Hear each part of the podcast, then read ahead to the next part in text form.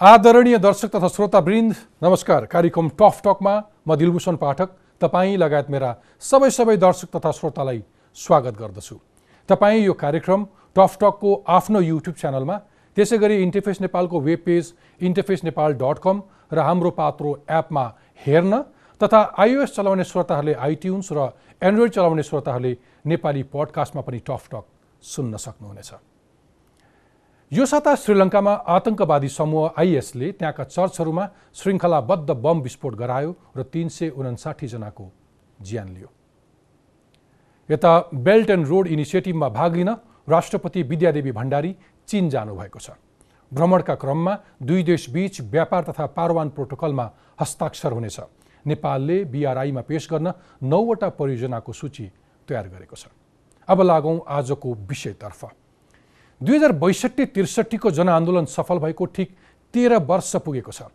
त्यही जनआन्दोलनको जगमा राजतन्त्र फालियो र गणतन्त्र स्थापना भयो। संविधान सभाबाट नयाँ सङ्घीय संविधान पनि लेखियो अनि सङ्घीय संरचना अनुसार तिन तहका सरकार बने।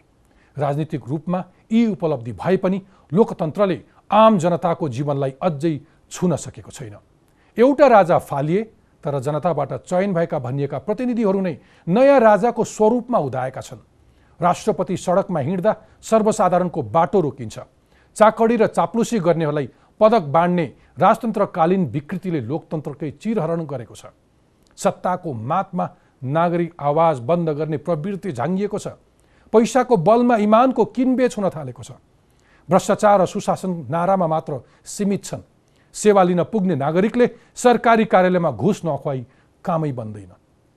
तेह्र वर्ष अघि नागरिकहरू लोकतान्त्रिक आन्दोलनमा उत्रिएको यस्तै दिन देख्नका लागि थियो त। आन्दोलनका बेला गरिएका राजनीतिक बाचा अहिले कुन टोकरीमा फालिएका छन्?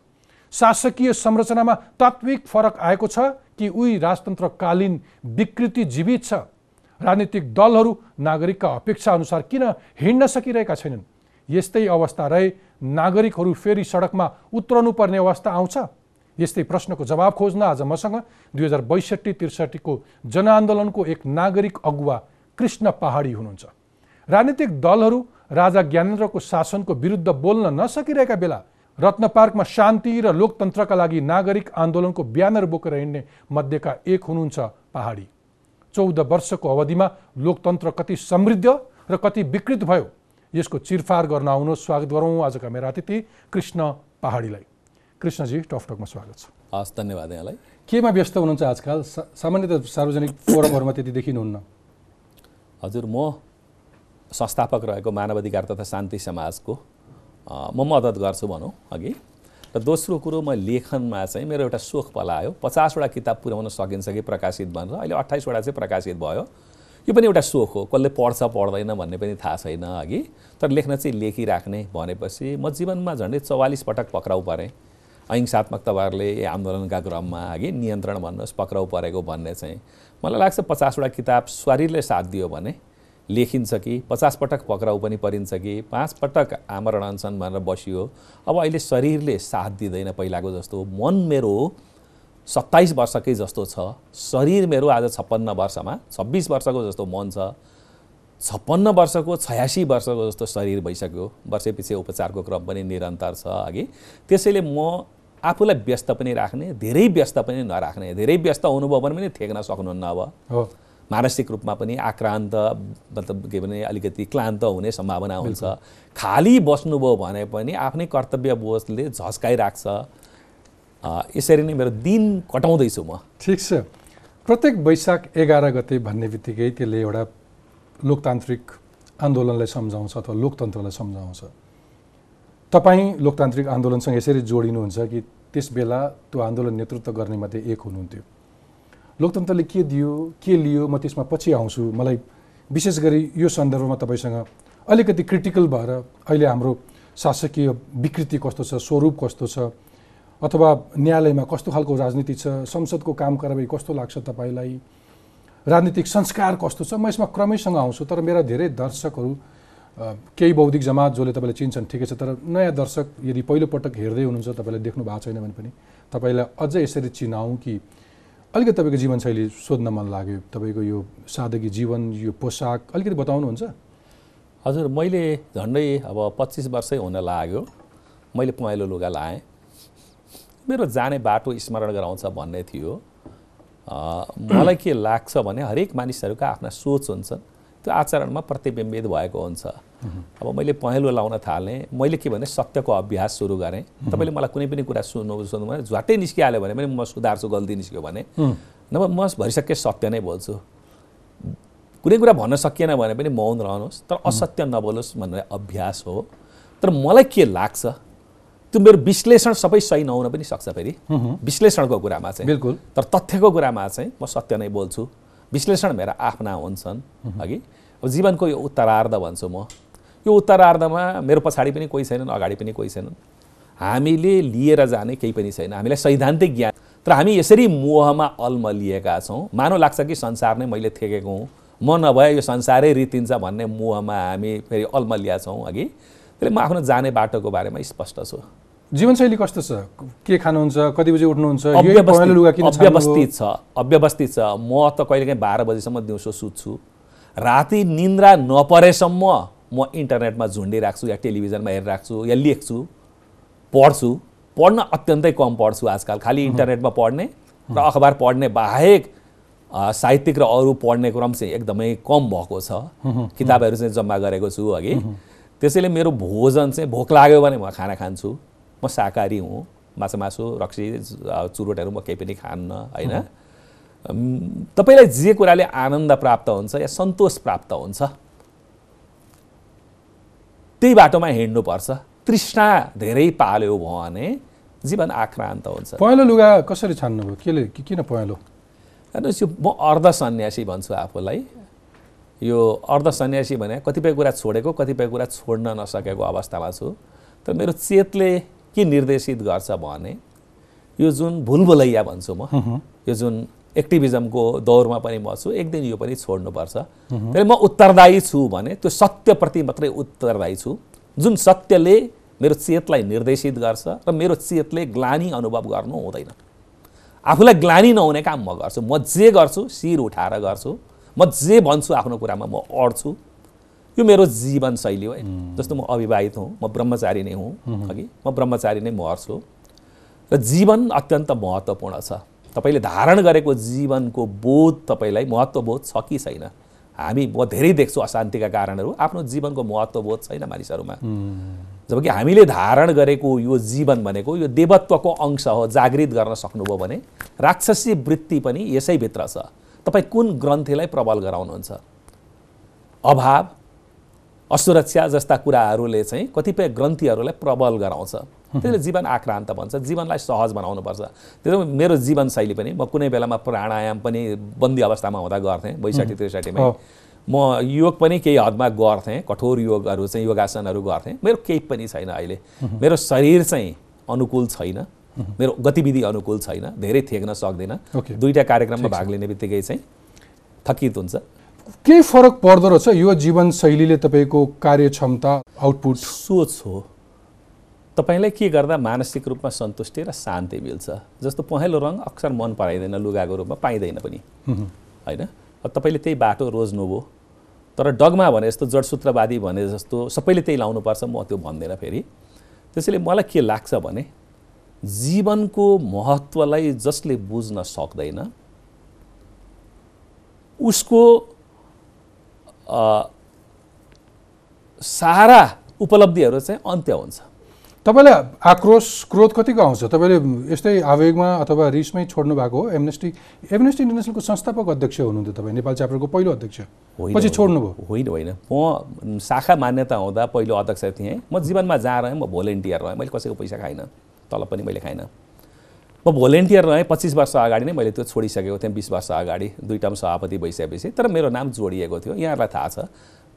विशेष गरेर म बन्दी अवस्थामा हुँदा मेरो रिहाइको लागि एमनेस्टी इन्टरनेसनलले जे प्रयत्न गर्यो या मैले पनि एमनेस्टीलाई नेपालमा प्रवर्धन गर्न जे प्रयत्न गरेँ त्यो जगतलाई थाहा छ। मेरो नाम जोडिएको थियो।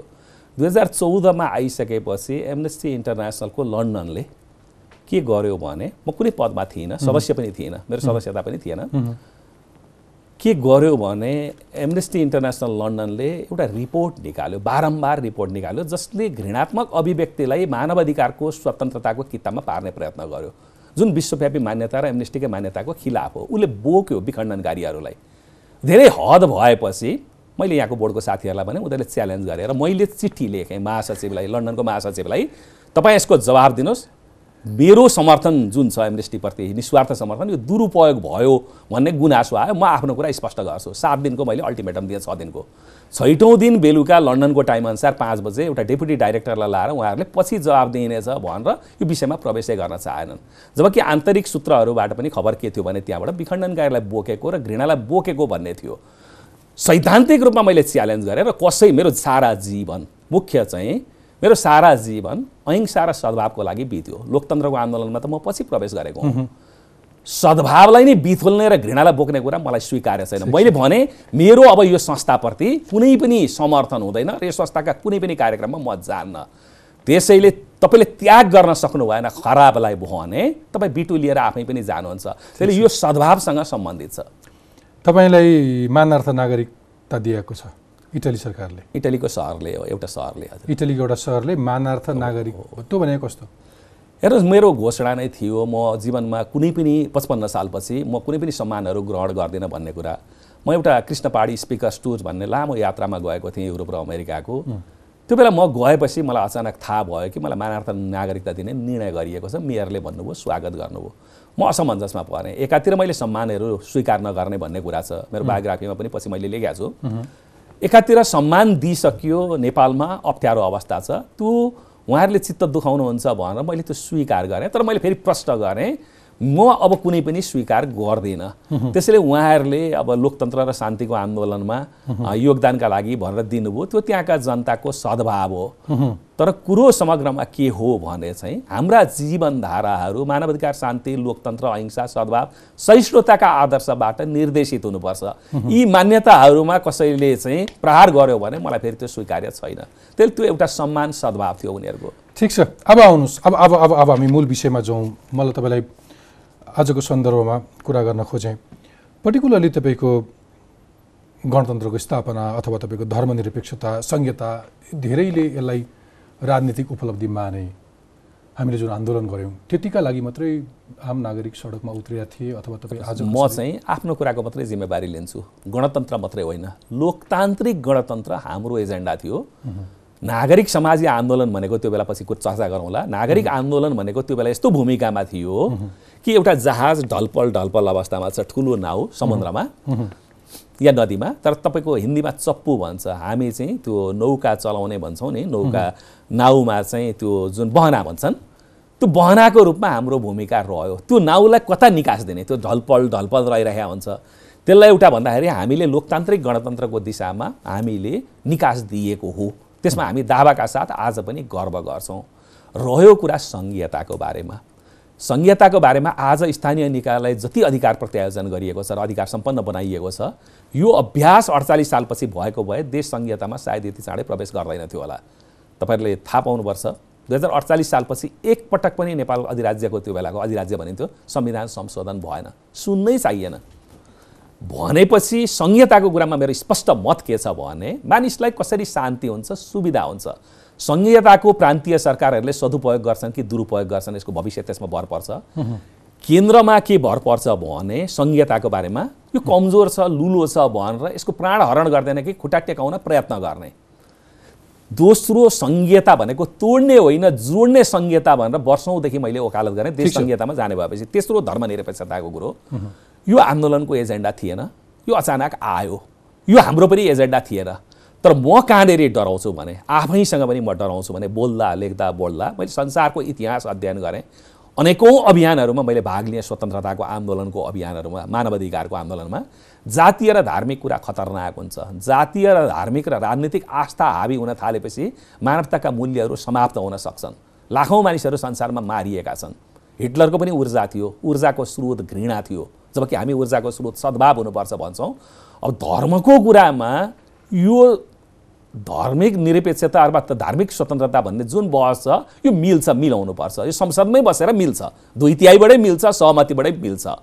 तर एउटा कुरा के मिल्दैन भयो भने यसको आवरणमा राजतन्त्रलाई पुनर्स्थापना गर्ने कुराले चाहिँ त्यो फेरि मिल्दैन। म आउँछु क्रमैसँग। मेरो प्रश्न के भने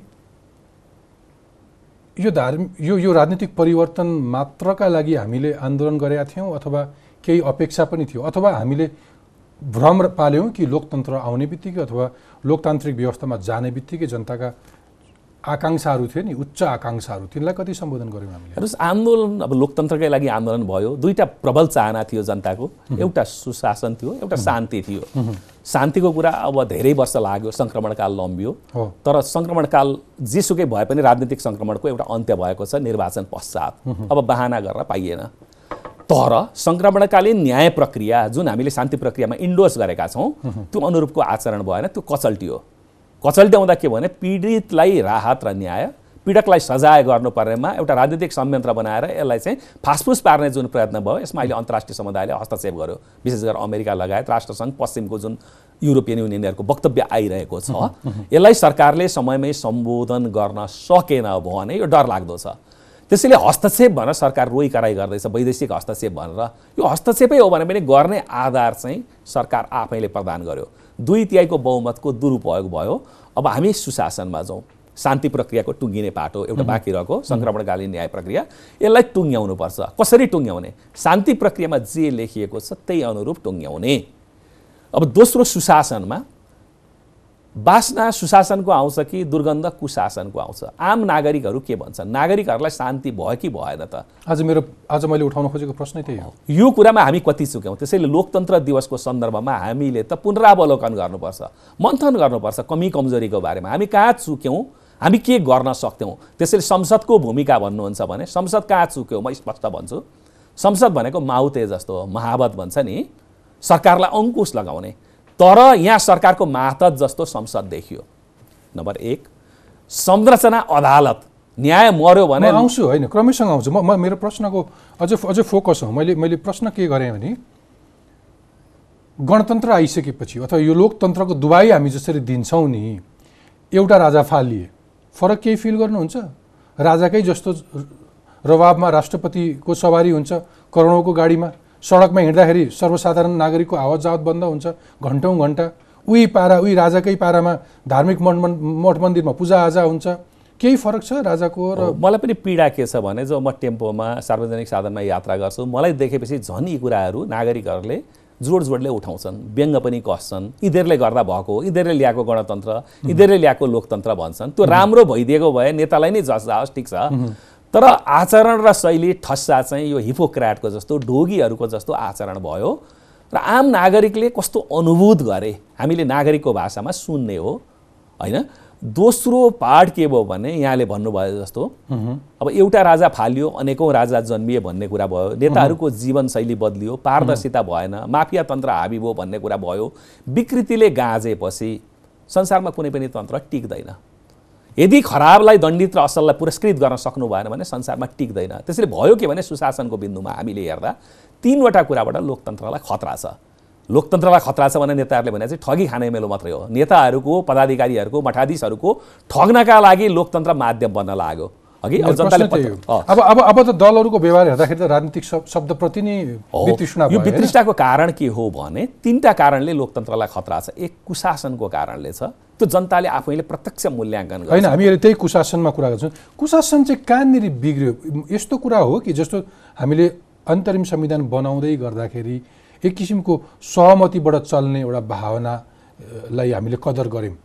त्यो त्यो सहमति भन्ने कुराले चाहिँ हामीलाई राजनीतिक विकृति आयो जस्तो मैले त्यसलाई उदाहरण कसरी दिन खोजेँ भने सहमतिको नाममा सबै नियुक्तिहरू भागभन्डामा गरिन थाल्यो। पुरै भागभन्डाको दल दल यस्तो भयो कि तपाईँको त्यो काले काले मिलेर खाउँ बाले न्यायालयमा भागभन्डा अर्को कुनै नियुक्तिमा भाग भागभन्डा त्यही देखिया छैन फरक केही छ? यस्तो हो सहमतीय पद्धतिमा नेपाल प्रवेश गर्यो बहुमतीयबाट सहमतीय पद्धतिमा प्रवेश गर्यो त्यो उत्कृष्ट हो संविधान बन्नसम्म योगदान गर्यो। तर कस्तो सहमति? आउँदैछु। न्यायाधीश नियुक्तिमा। काले काले मिल्ने अनि प्रतिपक्ष छैन संसदमा। त्यो अपेक्षा गरिएको थिएन। सहमति भनेको खानेकुरामा मात्रै सहमति हो। जस्तो स्थानीय निकायमा हेर्नुहुन्छ भने पहिला तिन दल थिए काङ्ग्रेस एमाले र माओवादी अहिले दुई छन्। तर त्यो भागबन्डा गर्नेले तिनटैलाई भाग शान्ति त्यो छुट्याएको हुन्थ्यो। तपाईँ ननाटी भन्नुहोस् आजको दिन क्षमतावान व्यक्तिले कुनै नियुक्ति पाउँछ? हो प्रश्न के हो भने इन्स्टिट्युसनहरू बलियो बनाइयो भने अघि अन्तिम र पहिलो योग्यता योग्य मापदण्ड नै योग्यता हुनु पर्थ्यो योग्यता मापदण्ड भएन। त्यसैले न्यायालयमा पनि के भयो भने महाभियोगको चाहिँ डन्डा देखाएर राजनैतिक झन्डा गाडियो। भागबन्डाको आधारमा नियुक्तिहरू भए संरचना त ध्वस्त भयो नि। संरचना ध्वस्त भएपछि लोकतन्त्र कसरी चल्छ र फङ्सन कसरी प्रश्न त्यही हो। न्यायालयमा आउन बाँकी छ। म म शासकीय पद्धति अथवा शासन। शासनको सट्टा शासकीय विकृतिको कुरा गर्दैछु। आज आज आज यो यो यो यो संरचनामा हामीले के अपेक्षा गरेका थियौँ? समावेशिता हो। समावेशीकरण। समावेशीकरण कस्तो भयो? पैसा भएका मान्छेहरू? होइन। नेताका श्रीमतीहरू? अझ भन्नुहोस् के भयो? समावेशितामा त त्यति मात्रै होइन। मन्त्रीमण्डलमा चाहिँ कतिजना मन्त्री छन्? महिलाहरू। अघि? त्यो आन्दोलन पनि मरेर गयो। हिजो महिला मुक्तिको आन्दोलन जो गरेका थिए नि दास प्रवृत्ति हावी भयो त्यो मात्रै होइन। दुई दिन अगाडि नेकपाका दुई वरिष्ठ अध्यक्षहरू सहितले घोषणा गरेको सतहत्तरवटा जिल्लाको आफ्नो राजनीतिक नेतृत्वमा कतिजना महिला परे सर? चारजना? तिनजनाको कुरा आयो होइन? सातजना। यस्तो छ। यो सबै कुराले के गर्यो भने अनि बोली र व्यवहार पुरै उल्टा म पुल्टा आउँदैछु। त्यसैले हाम्रो परिकल्पना के थियो भने माग पनि आन्दोलनको डिमान्ड थियो भने समावेशी लोकतन्त्र समावेशी भएन। यो नेता पोस्ने लोकतन्त्र भयो। यो सत्य हो। मधेसको जिल्लाको पार्टी कमिटीको अध्यक्ष कुनै एउटा पहाडै मुलको मान्छे छ। होइन यसो छ नि। यसमा चुनौती दिने पनि पार्टीका कार्यकर्ता मरेर गए जस्तो भयो। पञ्चायतकालमा के भनिन्थ्यो भने राजा महाराजाले जे भन्यो हस् सरकार भन्थे। त्यही प्रवृत्ति दोहोरियो। हो चुनौती दिने राजनीति राजनीतिक कार्यकर्ता मरेर गए तपाईँको नागरिक समाज कहाँ छ? म क्रमैसँग आउँछु। अथवा हाम्रो नागरिक समाज तपाईँको नभनौँ हामी समग्र नागरिक समाजलाई प्रतिनिधित्व गर्छौँ। हामी कहाँ छौँ? त्यसमा हामी क्रमैसँग आउँछौँ। मैले तपाईँलाई भन्न खोजेको चाहिँ के के कुराहरूले हामी यो विकृति यो दलदलमा फस्यौँ? भ्रष्टाचारको यो यो कुशासनको दलदलमा फस्नुको कारणहरू के के थियो? हामी पहिलो त सबभन्दा ठुलो कुरो त के भने राजनीतिलाई पेसा बनाइयो। सत्र अठार वर्षदेखि विद्यार्थी कालदेखि राजनीति गरेको छ। आम्दानीको स्रोत छैन। उसले बाँच्ने त्यहीँबाट हो कोट्याउने राज्यकै संयन्त्रबाट हो। हिजो माफियाहरूको त कुरा कस्तो भने नीति निर्माणमै उनीहरूले प्रभाव पार्न थाले। त्यो एउटा पार्टीमा मात्रै छैन नि। जो सत्तामा आयो माफियाले गोड लायो। राज्यका जग्गा जमिनहरू कब्जा गरिए। अरबौँका भ्रष्टाचारहरू भए। पहिला करोडौँमा। सबभन्दा ठुला घोटालाहरू छलाङ मारेको छ छलाङ मारेको तेह्र वर्षमा भए। पञ्चायत कालमा लाखौँको भ्रष्टाचार हुन्थ्यो पछि करोडौँको भयो बहुदलीय कालमा अहिले अरबौँको भएको छ छलाङ मार्नु भएको छ उहाँहरूले। र लोकतन्त्रलाई खतरा यहीँ कहाँबाट आयो भने कुशासनपछि दण्डहीनता।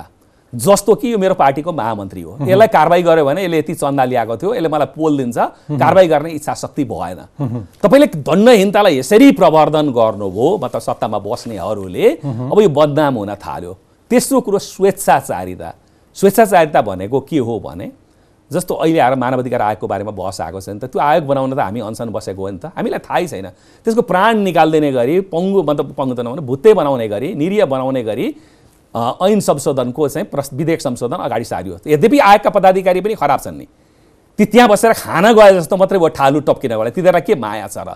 अब त्यही मौकामा सरकारले प्राणै हरण गरिदिन प्रयत्न गर्यो। भनेको यहाँ हेर संसद कहाँ चुक्यो? हामी यहाँ जाउँ। संसद कहाँ चुक्यो? अङ्कुश लाउनु पर्नेमा सरकारका गलत कदममा त्यो सरकारको छाया मात्रै भयो। विगतमा पनि एउटा न्यायाधीशलाई महाभियोग लगाउँदाखेरि सांसदलाई थाहा छैन नक्कली सही राखेर महाभियोग लाग्यो। संसदको मर्यादा त धुजा धुजा धेरै अगाडिदेखि हुन थालेको अनि। थाहा पाएर पनि जस्तो मानव कुनै संसदमा समितिहरू बने भने पनि आफ्नो स्वार्थ मिल्ने अथवा कन्फ्लिक्ट अफ इन्ट्रेस्ट हुने ठाउँहरूमा पनि त्यस्तै मान्छे ल्याइयो। होइन खुला कुरा एउटा। विद्यालयको सञ्चालक एउटा कुनै समितिमा बस्न सक्छ शिक्षा सम्बन्धी। राम्रा कुराहरू पनि छन् तर म सरकारको प्रति प्रतिनिधि र प्रवक्ता होइन। तर नराम्रा कुरा यति धेरै हाबी भए जस्तो राजदूत नियुक्ति गर्दा पनि एक जमानामा पैसा लिइयो।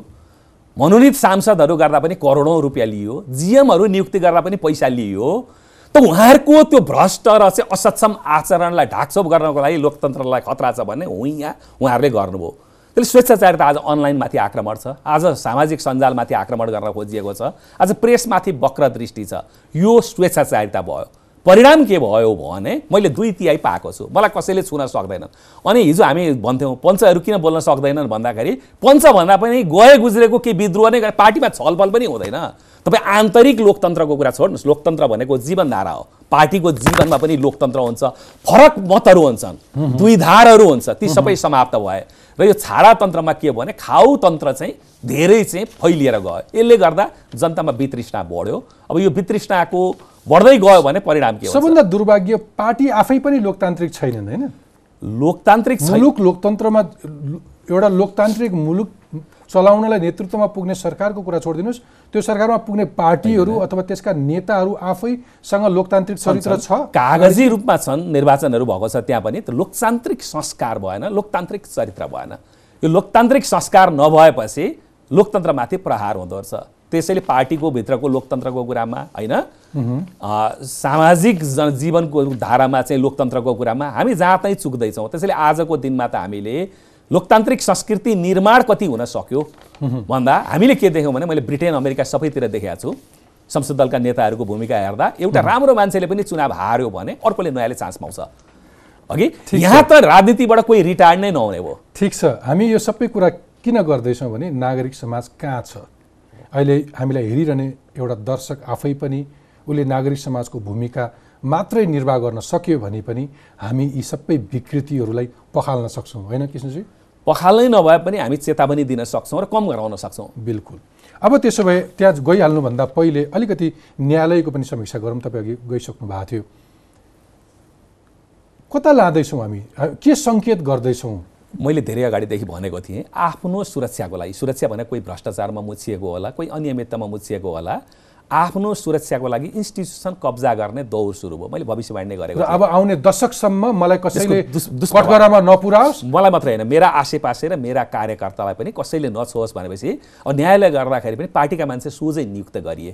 अगाडिको तिनीहरूलाई- दशक हेरेर? तिनीहरूलाई प्रधान न्यायाधीशसम्म बनाउने रोल क्रममा राखेर सेटिङ गरियो। पन्ध्र वर्ष पन्ध्र वर्षसम्म आफ्ना अनुकूलका मान्छे सेटिङ भयो सेटिङ भयो। प्रहरीमा त्यहाँ पनि योग्य मान्छे छन् खराब पनि छन्। तर योग्य मान्छेहरूलाई असुरक्षाको भावना भयो। इन्स्टिट्युसनमा राजनीतिकरण गरियो र राजनीतिक हस्तक्षेप गरियो। अलिकति त्यसले हलचल गर्न खोज्यो भने त्यसलाई प्रमोसनमै रोकिदिने हिसाब आयो अनि त्यहाँभित्र चाहिँ योग्य अलिकति आवाज बुलन्द गर्ने मान्छेहरू कोही छैनन्? राजनी नागरिकता किर्ते गरेर फेरि कसैको बुई चोडे चढेरै प्रधान न्यायाधीश हुन खोज्ने मान्छेहरू अथवा लोभीहरू मात्रै छन् कि निष्ठाको जमाना सिद्धियो समय मैले भने नि इन्स्टिट्युसन संयन्त्रहरू बलियो भएनन् भने स्वायत्त भएनन् भने निष्पक्ष र योग्य भएनन् भने लोकतन्त्र धरापमा पर्छ। न्याय मर्यो भने लोकतन्त्र त छोड्नुहोस् धेरै कुरा मर्छ। निष्ठावान मान्छेहरूका लागि चाहिँ कसले बोल्छ? यो प्रश्न के हो भने यस यसको सन्दर्भमा चाहिँ आवाज चाहिँ बुलन्द गर्नुपर्ने हो सबैले। अब मेरै कुरा गर्नुहुन्छ भने म नौ पटक सम्मान्य खड्ग ओलीज्यूको प्रधानमन्त्रीको कालमा म नौ पटक एक वर्षमा पक्राउ परिसकेँ मैले भ्रष्टाचार विरुद्धको आन्दोलन भएन भने उठाउने प्रयत्न गरेँ तर मिडियाले कति साथ दियो त फेरि यहाँ? धेरैका आन्द्रा भुँडी फेरि देखिए नि हेर्नुहोस्। हाम्रो समाजमा विकृति सर्वत्र छ। त्यो विकृतिलाई भयादोहन गरेर। ब्ल्याकमेल गरेर अब अब म नागरिक समाजमा आउनुभन्दा अगाडि तपाईँले एउटा एउटा एउटा एउटा प्रश्न सोधिहाल्न मन लागेको तपाईँले केही सुझावहरू दिइरहनु भएको छ। यी विकृतिहरू हामीले औँलाइसकेपछि केही ओखती दबाई त केही सिफारिस गर्नु पऱ्यो नि। हजुर। तपाईँ हाम्रो कुरा सुनिरहेको मान्छेलाई तपाईँको सुझाव चाहिँ के के छ? लोकतन्त्रका लोकतन्त्रका। लोकतन्त्रको दुवाई दिने हाम्रा वरिष्ठ नेताहरूलाई। जुन बेला हामी नागरिक आन्दोलन सक्रिय थियो भनिन्छ त्यो बेला इन्स्टिट्युसनहरू थिएनन् संसद पनि थिएन राजनीतिक दलहरू कमजोर थिए। आज इन्स्टिट्युसनहरू छन्।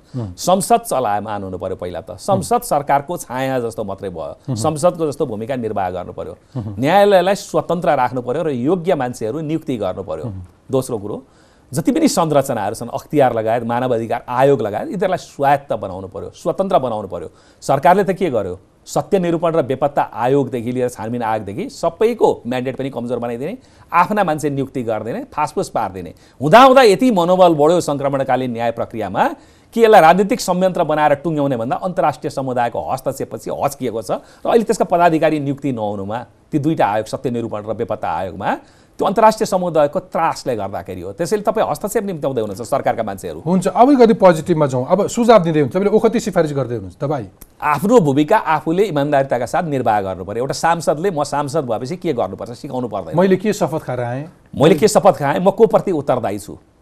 अघि एउटा न्यायाधीशले न्यायाधीशको जस्तो न्याय गर्नु पर्यो यो सिकाउने पाठै भएन हामीले।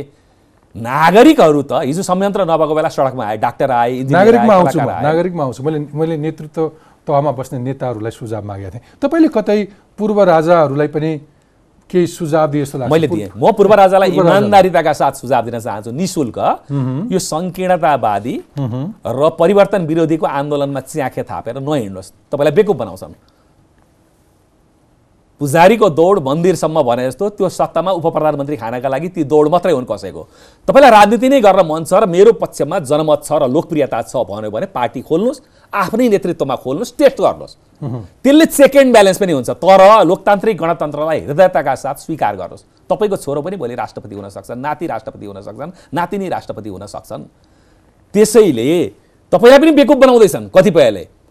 यो मुल्लाको दौड मस्जिदसम्म भन्छन् धार्मिक उदाहरण म दिन चाहन्न यो सत्ता केन्द्रित समाज हो मूल्य केन्द्रित समाज भएन यो नेता केन्द्रित राजनीति भयो नीति प्रधान राजनीति भएन त्यसैले यहाँ नैतिकता छैन नैतिकता नभएपछि अब यो घाटामा घाटे वैद्यको दबाई गरेर चाहिँ यो पार लाग्दैन अपरेसन गर्नुपर्छ त्यसले म आज आधा हेरेर हाफ हार्टेड लोकतन्त्र दिवस मनाउँदैछु किन बाटो हिँड्ने आम नागरिकले के भन्छ मलाई त्यसले पोल्छ।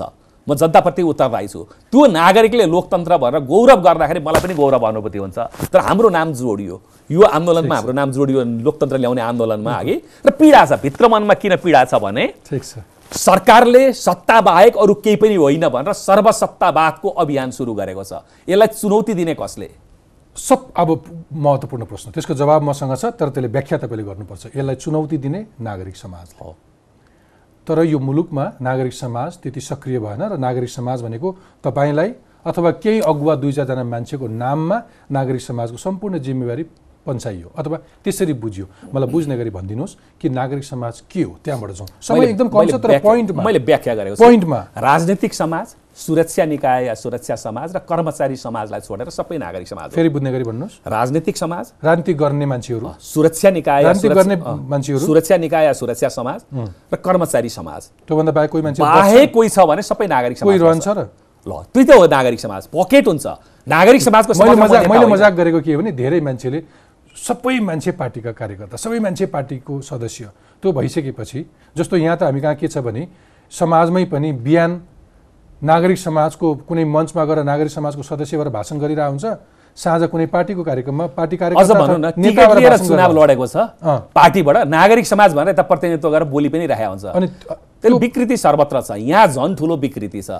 र नागरिक समाजको नाममा ठगी खाने सत्ताका लागि बार्गेनिङ भन्छ सौदाबाजी गर्ने प्रयत्न भयो। अच्छा अब अब अघि तपाईँले भनेको व्याख्या भन्दा अझलाई बुझ्ने गरी भनिदिनुहोस् नागरिक समाज भनेको। पकेट अर्गनाइजेसनहरू हुन्छन् नि। भनेको एउटा मान्छे निजीगत आफ्नो निजी तहबाट बाहिर निस्केर समाजका लागि मुलुकका लागि कुनै प्रश्न उठाउँछ बोल्छ भने त्यो नागरिक समाज ऊ कहाँ आबद्ध छ? जस्तो ऊ डाक्टर हो कि इन्जिनियर हो कि श्रमिक हो कि किसान हो उसका आफ्ना सङ्घ संस्थाहरू हुन्छन्। ती पनि नागरिक सबै नागरिक समाज। पेसागत संस्था सहकारीदेखि लिएर सबै नागरिक समाज। युवाहरूको सञ्जाल नागरिक सबै नागरिक समाज आमा समूह महिलाहरूको समूह सबै नागरिक समाज हो। चारजना लेखक। एकीकृत भएर लेख्छन् ती सबै नागरिक समाज त्यो नागरिक समाज भनेको त्यसको एउटा व्यक्ति नेता हुँदैन। त्यसले नागरिकको हितमा आवाज उठाउँछ भने त्यो नागरिक समाजको त्यो क्षेत्रको आवाज मानियो यसरी बुझौँ। अझ गैर सरकारी संस्थाहरू सबै सबै नागरिक समाज हो। अधिकारको पक्षमा वकालत गर्ने पत्रकार। पनि नागरिक समाज हो। वकिलहरू पनि सबै सबै नागरिक समाज हुन्। पेसागत सङ्घ संस्थाहरू तर त्यो नागरिक- नागरिक समाज त्यतिखेर मात्रै एउटा राम्रो नागरिक समाज रहन सक्छ जब ऊ दलहरूको आबद्धता अथवा दललाई बोक्न छोड्छ। ऊ आफू इमान्दार भएर प्रस्तुत हुनुपर्छ। यहाँ मान्छेका चाहिँ खल्ती खल्तीमा चाहिँ ह्याटहरू छन्। बुझ्नु भने के। यहाँ राजनीतिक आवरण छ यहाँ नागरिक समाजको आवरण छ यहाँ पेसागत छ। त्यसैले यो नागरिक समाजलाई पनि बिटु ल्याउने प्रयत्न के भयो भने बैसठी त्रिसठी पछि यसलाई नियुक्ति दिएर यसलाई तोड्ने र तान्ने प्रयत्न भयो। ओके। अब नागरिक समाजको रोलहरू छ नि उसले अघि हामीले कुरा गरेको विकृति व्यथिति विरुद्ध एउटा नागरिकले नागरिक समाजको भूमिका कसरी निर्वाह गर्न चुनौती दिनुपर्छ च्यालेन्ज गर्नुपर्छ। कसरी? त्यसका माध्यमहरू हुन्छन् कार्यक्रमहरूका माध्यमबाट हुन्छन् धर्ना जुलुसका माध्यमबाट हुन्छन् शान्तिपूर्ण आन्दोलनका माध्यमहरूबाट हुन्छन् बहस हुन्छ लबिङ हुन्छ कुराकानीहरू हुन्छ कुनै एउटा क्लबमा छ कुनै एउटा सञ्जालमा छ कुनै महिलाहरूको सङ्गठनमा छ महिलाका कुराहरूमा नीतिगत कुराहरूमा उसलाई चित्त बुझेन सरकारलाई हाँक दिनु पर्यो चुनौती दिनु पर्यो भने तपाईँले अहिले भनेका गीत विधिहरू अप्नाउन जान्छ। तर- बुझ्ने गरी मलाई एक्सन भोलि एक्सनमा जान सजिलो होस्। हेर्नुहोस् पहिलो कुरो त कुनै बेलामा होइन? हामी महिला मुक्तिको लागि लागेका भन्थे नेकपाका महिला सदस्यहरू। आज महिलाहरूमाथि यत्रो घात गरिएको छ नियुक्तिदेखि लिएर कतिपय कुराहरूमा। एक शब्द चुइक्क कोही बोल्दैन किन त्यो दास भयो? किनभने नेताको विरुद्ध विद्रोह गर्दा भोलि मैले नियुक्ति पाउँदिनँ भनेर त्यो दास भयो। त्यो दास प्रथाले गर्दा राजतन्त्र पनि गयो। यो पनि जान्छ। नेता प्रधान यो छ नि जान्छ। स्वाभिमान मरेर गयो हाम्रो समाजमा। अनि त्यही त्यही नेताको त्यही पार्टीको कार्यशैली मन परेको छैन? उसले उसले चरम कोही मान्छे बोकेको छ व्यतिथि छ तर तिनैको अगाडि ऊ माला लाउन खादा लाउन जान्छ। तर उसले त्यहाँ उठेर प्रश्न गर्यो भने ऊ नागरिक समाजमा उभियो। माला लाउन गयो भने ऊ कार्यकर्ता पहिला त। ऊ राजनीतिक समाजकै पनि उसले आफ्नो कर्तव्य निर्वाह गर्नु पर्यो। सैद्धान्तिक रूपमा चुनौती दिनु पर्यो। जस्तो ऊ गलत त भनेको छैन नि तेत्तिस प्रतिशत महिला नियुक्ति त भनिएको छ सैद्धान्तिक जस्तो उदाहरणको लागि तेत्तिस प्रतिशत नियुक्ति भनेको थियो महिला नियुक्ति। यो पटक सतहत्तरवटा जिल्लाको आफ्नो राजनीतिक नेतृत्व चयन गर्दाखेरि पाँच प्रतिशत पनि छैन। यतिखेर उनले प्रश्न उठायो भने नागरिक समाजको भूमिका निर्वाह गरे। त्यसैले त हामीले सहयोगात्मक लोकतन्त्रको परिकल्पना गरेका थियौँ। उहाँहरू प्रतिशोधात्मक लोकतन्त्रको बाटोमा हिँड्न थाल्नुभयो। हामीले समावेशी लोकतन्त्रको परिकल्पना गरेका थियौँ। उहाँहरू एकाङ्गी लोकतन्त्रको अभ्यासमा फेरि रमाउनु भयो उहाँहरू परिवर्तनका लागि लड्नु भएको थिएन सत्ताको लागि लड्नु भएको थियो। त्यस कारणले नागरिक समाज कहाँ बिग्रियो भन्नुहुन्छ म प्रश्न भन्छु। पार्टीका भातृ सङ्गठनहरूलाई पनि नागरिक समाजको नाममा प्रस्तुत गर्ने प्रयत्न भयो। र उनीहरू पार्टीहरू फेरि एकपटक यति बल कमजोर थिए हामीले खुट्टा टेकायौँ। अहिले यति बलियो भए हाम्रै खुट्टा बाँच्दिए तपाईँ निरीह हुनुभयो। त्यसैले प्रेसले जब नागरिक समाजको नाममा आवाजहरूलाई बुलन्द गरिदिन्छ एउटा जनमत बन्छ। प्रेस आफैले पनि एकै दिनमा आमूल परिवर्तन ल्याउँदैन। तर भुसको आगो जस्तो भित्रभित्रै प्रभाव हुन्छ। त्यसले चुनौती दिनु पर्यो। पार्टीकै कार्यकर्ताहरूले पनि गलत कदम विरुद्ध चुनौती दिनु पर्यो सरकार त बहस नै गर्दैन। जस्तो सम्मान्य प्रधानमन्त्री खड्ग ओलीजी आफ्ना भाषणहरूमा साङ्केतिक रूपमा हामीलाई गाली गर्नुहुन्छ। मैले पनि पहेँलो लुगा लाएर हिँड्ने यस्तो त्यस्तो भनेर धेरै मैले सुने। तर कुनै बहस गर्न तयार हुनुहुन्न। किन भन्दा सैद्धान्तिक धरातल उहाँहरूलाई कुनै क्वेसन उठायो भने समावेशीदेखि लिएर यो मूल्यको राजनीतिको कुरामा कमजोर हुनुहुन्छ। तर तपाईँले भने जस्तो जस्तो अहिले नागरिक समाजले त्यो व्यतिथि विरुद्ध अथवा यो कुशासन विरुद्ध अथवा सुशासनका पक्षमा उसले कुनै आफ्नो धारणा राख्नु अगाडि त ऊ आफू चाहिँ म नागरिक समाजको एउटा योग्य नागरिक हुँ अथवा म स्वतन्त्र छु भन्नु पऱ्यो नि। यहाँ त सबै मान्छे दलका सदस्य छौँ नि त हामी। त्यति मात्रै होइन। हामी यति दलीय पूर्वाग्रहको आँखाले हेर्छौँ कि हाम्रो नजर त हामी यस्तो हो नि यस्तो भयो भयो के भने नि त्यो चाहिँ के लोभका लागि? भ्रष्टाचार विरुद्ध काम गर्ने संस्थाहरू पनि छन् होइन? सामाजिक सुरक्षाका लागि काम गर्ने संस्थाहरू पनि छन्। तर विकृतिले यति ग्रस्त छन् कि ती सबै आतङ्कित छन्। विकृति सबैभन्दा धेरै राजनीतिमा छ भने नागरिक समाज नामदारीहरूमा पनि छ। तपाईँ यति भ्रष्ट छन् आइएनजिओहरू नेपालमा।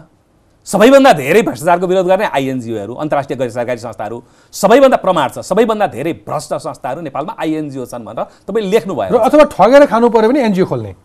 गुजाराको माध्यम बनाऊ। सेवामूलक भएन। राजनीतिदेखि गैर सरकारी संस्थासम्म सेवामूलक जीविकाबाट निर्देशित हुनु पर्थ्यो। सेवा होइन मेवाबाट गुजारा माध्यमका लागि खोलेपछि कहाँबाट हुन्छ? त्यसैले कर्मकाण्डी भए। अनि अनि ठगेर खान एनजिओ खोल्ने अनि त्यस पछाडि लाभका लागि कुनै पदका लागि त्यो नागरिक समाजको संस्थाको दुरुपयोग गरेर कसैको चाकडी गर्ने। सबै त त्यस्तो छैन नि हेर्नुहोस् फेरि हामीले एउटै बास्केटमा हाल्नु हुँदैन। तर के छ भने तर सबै पश्चिमको फन्डिङबाट चलेका छन्। अब त इन्डिया र साइन्सको फन्डिङ बढेको छ। तपाईँलाई म यति बताउँ। अथवा यसो भन्दा पनि त भयो नि त्यो नागरिक संस्था समाजको ठेक्का लिने ठुल्ठुला संस्था चलाएका मान्छेहरू अहिले सरकारको नि- निगाहमा अथवा नेताहरूको चाकडी गरे भरमा ठुल्ठुला पदमा राजदूतमा छन् नि होइन? त्यति मात्रै होइन। तपाईँको नीति निर्माणमा जसले महत्त्व राख्छन् राजनीतिक समाजकादेखि लिएर पूर्व सुरक्षा निकायका मान्छेहरू सबैका एनजिओ छन् सबैलाई बाह्य फन्डिङ छ वैदेशिक सहयोग छ। त्यसैले उसको कुराको विश्वसनीयता कमजोर हुँदै गयो त्यसो भए त हामीले दललाई सरकारलाई किन गाली गर्ने त? जो जोबाट आज गरेछ त्यो नागरिक समाज पनि भ्रष्ट कलङ्क सबै होइन। त्यसैले त नागरिक समाज भन्ने सबल अङ्ग नै देखिएन भन्ने गुनासो त्यसकारण त आयो। हो अब मेरो प्रयत्न पनि त्यही कि बाह्य फन्डिङ लिएर तपाईँले सरकारको विकृति विरुद्ध लड्न सक्नुहुन्न। यस त्यसकारण मैले बिस वर्ष अगाडि नै बाह्य फन्डिङ नलिने एउटा अभ्यास सुरु गरेको थिएँ। अब तपाईँको ओखती अथवा अब तपाईँको दबाई यहाँ फेरि चाहियो कि यो अब निष्कर्षतिर जाउँ हामी। अघि हामीले कुरा गरेको हरेक वर्ष हरेक लोकतन्त्र दिवसमा मलाई फेरि यसरी नै एउटा एउटा दलको एउटा कुनै नेतृत्वको अथवा एउटा सरकारको खिल्ली उडाउनु त छैन हामीलाई। जनता खुसी भएको चाहन्छौँ होला साँच्चै समृद्ध नेपालको अपेक्षा गरिरहेछौँ। त्यसका लागि तपाईँले अघि दल अथवा राजनीति गर्नेलाई त सुझाव दिनुभयो। अब नागरिक समाजलाई तपाईँको सुझाव के? हेर्नुहोस् नागरिक समाज भनेको एउटै व्यक्ति या केही मान्छेहरूको झुन्ड मात्रै होइन। हामी पनि नागरिक समाजको हिस्सा हौँ। तर प्रेसले नै हामीलाई नागरिक समाजको नेता भनेर यसरी प्रचार गरिदियो। सबै अपेक्षा हामीबाट खोज्न थाल्यो। हाम्रा पनि सीमाहरू छन् अघि स्रोत साधनका अभावहरू छन्। त्यो सबै इमान्दार हुनु पर्यो। एउटा डाक्टरलाई के उपदेश दिनुहुन्छ? डाक्टरले चिकित्सकले चिकित्सकीय धर्म निर्वाह गर्नु पर्यो। अस्पताल बन्द गर्ने सेवा ठप्प पार्ने वान वर्डमै सिद्धियो अब एउटा राजनीतिज्ञले सेवामूलकी हिसाबले चाहिँ आफ्नो काम गर्नु पर्यो। आफ्नो धर्म पुरा गरे पनि हुन्छ। अब यसलाई अलिकति म सजिलो बनाइन्छु एक्सनमा जान खोज्छु यो सोको एन्डमा एउटा पोजिटिभ नोट र एक्सन। आजको दिनमा यो मुलुकमा हामी तिन तहमा गयौँ। विशेष गरी स्थानीय तहमा यति धेरै ऐन नियम कानुनहरू बन्दैछ। प्रदेश तहमा त्यसरी नै कानुन अथवा सङ्घ भनेको हामी कानुन निर्माणको प्रक्रियामा छ नयाँ नयाँ संविधानपछि। यसमा त नागरिक समाजको भूमिका रहन्छ नि उसको त भयङ्कर ठुलो इनपुट रहन सक्छ नि। त्यो त्यो एउटा परिणाम निकाल्नका लागि कस्तो खालको नागरिक समाजको कस्तो खालको सक्रियता हुनसक्छ अहिलेका प्रधानमन्त्रीले भने जस्तै एउटा समृद्ध नेपालका लागि यो गफ हो उहाँको। स्थानीय तहमा त मलाई धेरै थाहा छैन तर केन्द्रीय स्तरमा ऐनहरू संशोधन गर्दा नयाँ बन्दा नागरिक समाजका कोही पनि प्रतिनिधि पात्रसँग छलफल गरिएको छैन विश्वासमा पनि लिएको छैन। लोकतान्त्रिक सरकार तर कुनै मस्यौदा बनिसके विधेयक संसदमा। विधेयक प्रस्तुत तपाईँहरूले संवाद घनीभूत रूपमा त। लान सक्नुहुन्छ नि। सहयोगात्मक लोकतन्त्रमा सरकार सहयोगी हुन्छ समन्वय गरेर चल्छ। प्रतिशोधात्मक लोकतन्त्रमा सरकार चाहिँ हस्तक्षेप गरेर चल्छ। सरकारको भूमिका हस्तक्षेपकारी भयो। बडो डरलाग्दो सङ्केत म तपाईँलाई गर्दैछु। यिनै नेता र यिनै पार्टीलाई भोलि सङ्कट पऱ्यो भने कुनै नागरिक समाजले साथ दिनेवाला छैन। समय सिद्धि कृष्णजी तपाईँसँग केही सुझाव छ फेरि पनि अन्त्यमा मैले मेरो केही छैन। मेरो खालि यहाँहरूसँग एउटै मात्रै निवेदन हो। हामी निरन्तर अगाडि बढ्नुपर्छ। मूल्यको पक्षमा सत्यको पक्षमा न्यायको पक्षमा विकृति विरुद्ध लड्नुपर्छ आज पनि ममा त्यो साहस कोही। रिसाउँछ कोही ठुस्किन्छ मतलब- छोड्ने। आफ्नो किनभने यो लोकतन्त्रको। स्वामित्व नागरिकमा छ तपाईँको महत्त्वपूर्ण समय र विचारका लागि धन्यवाद धेरै धेरै धन्यवाद है